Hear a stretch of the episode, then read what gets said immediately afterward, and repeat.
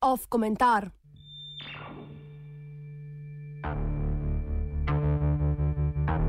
Hashtag in njegovi hajpi.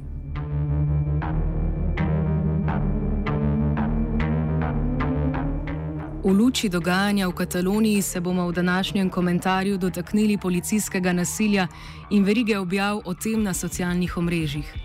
Vsem so nam na tematiko policijskega nasilja znani članki v časopisih in komentarji na socialnih omrežjih, ko je ljudem o pojavi, pojavu nasilja od strani policije naenkrat mar za so ljudi, kljub temu, da morda o sami politični situaciji ne vedo ničesar.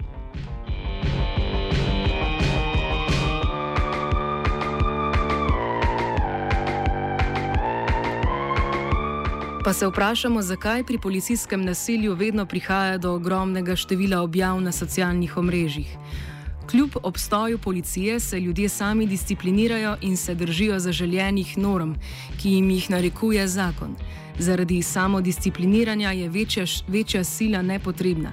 Nadziramo se sami. In ravno zato je toliko hujši šok, ko v mirni družbi pride do nasilja, še posebej iz strani policije ali vojske, ki sicer ni prisotna v vlogi, ki bi nas ogrožala, ampak varovala. Tu opazimo razliko med nasiljem policije in splošnim terorizmom. Napadljiv postane nadziralec, ne pa nek zunani sovražnik.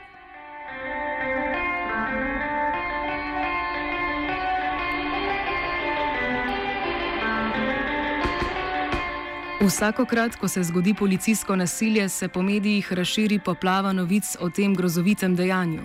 Na socialnih omrežjih pa se pojavijo sočutja polne objave in naenkrat smo vsi starejša gospa, ki je želela voliti, a je strani policije dobila udarec v obraz. Na ta način so namreč socialna omrežja delovala v primeru policijskega nasilja na boliščih v Kataloniji 1. oktobra letos. Internet se so preplavile slike in posnetki policijskega nasilja in ravno ta slikovni material ter posnetki, ki včasih dosežejo kar spektakularen učinek, v ljudeh zbudijo močna čustva, ne samo strahu, ampak predvsem zgroženosti ter jezo kar pa je tudi razlog za množično deljenje te vsebine. Hkrati pa pride tudi do zavedanja, da se lahko v podobni situaciji znajdejo sami.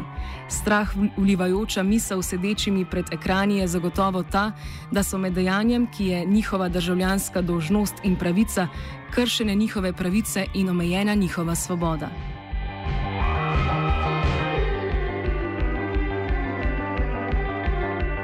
Po drugi strani pa je težko zaslediti kakršno koli poročanje o nasilju nad ženskami, kljub temu, da je v tej vrsti nasilja in zlorabe izpostavljenih več ljudi kot policijskemu nasilju.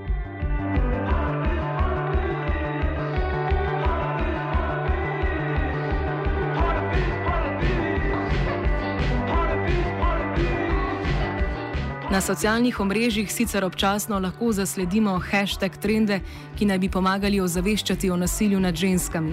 A njihova precejšnja problematika je, da zelo hitro izginajo v pozabo.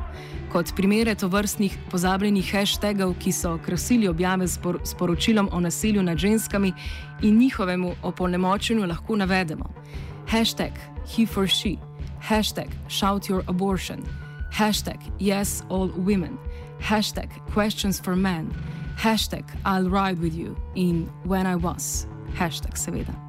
Zanimivo se je vprašati, koliko od naštetih hashtagov je posameznikom znano in kolikim je znan njihov pomen.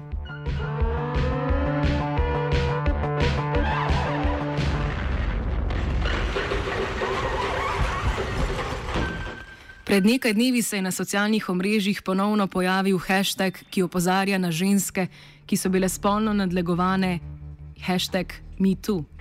Zanimiv je podatek, da je ravno ta hashtag nastal pred približno desetimi leti in je njegovo viralnost šele pred nekaj dnevi povzročilo razkritje nasilneža in spolnega predatorja Harvija Weinsteina. Kljub temu, da te vrste objav nimajo ravno dolge življenjske dobe, so pomembne, saj spodbudijo komercialne medije k pisanju o tovrstni problematiki. Mediji se sicer sami po sebi brez vpliva socialnih omrežij redko odločijo pisati o tematikah, ki se dotikajo nasilja žensk.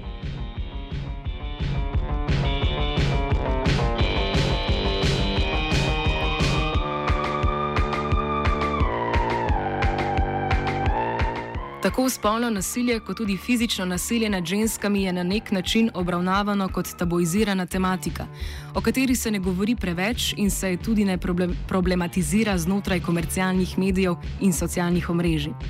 Morda je eden od razlogov, da opozarjanje na nasilje nad ženskami svojega mesta na spletu ne najde in gre za pomankanje slikovitosti in spektakularnosti, ki smo jo lahko zasledili pri policijskem nasilju. Ljudje se teže vživijo, če ne vidijo slikovnega prikaza brutalnosti nasilja.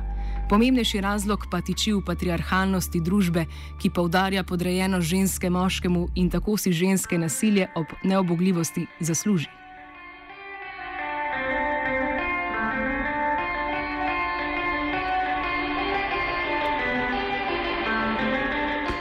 Prav tako se zaradi patriarhalne ureditve težko problematizira spolno nasilje.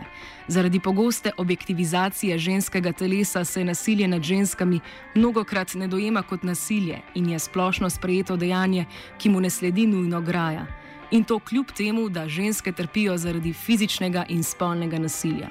Veliko prej vidimo, da so pravice kratene ljudem, ki jih na volišču napade policija.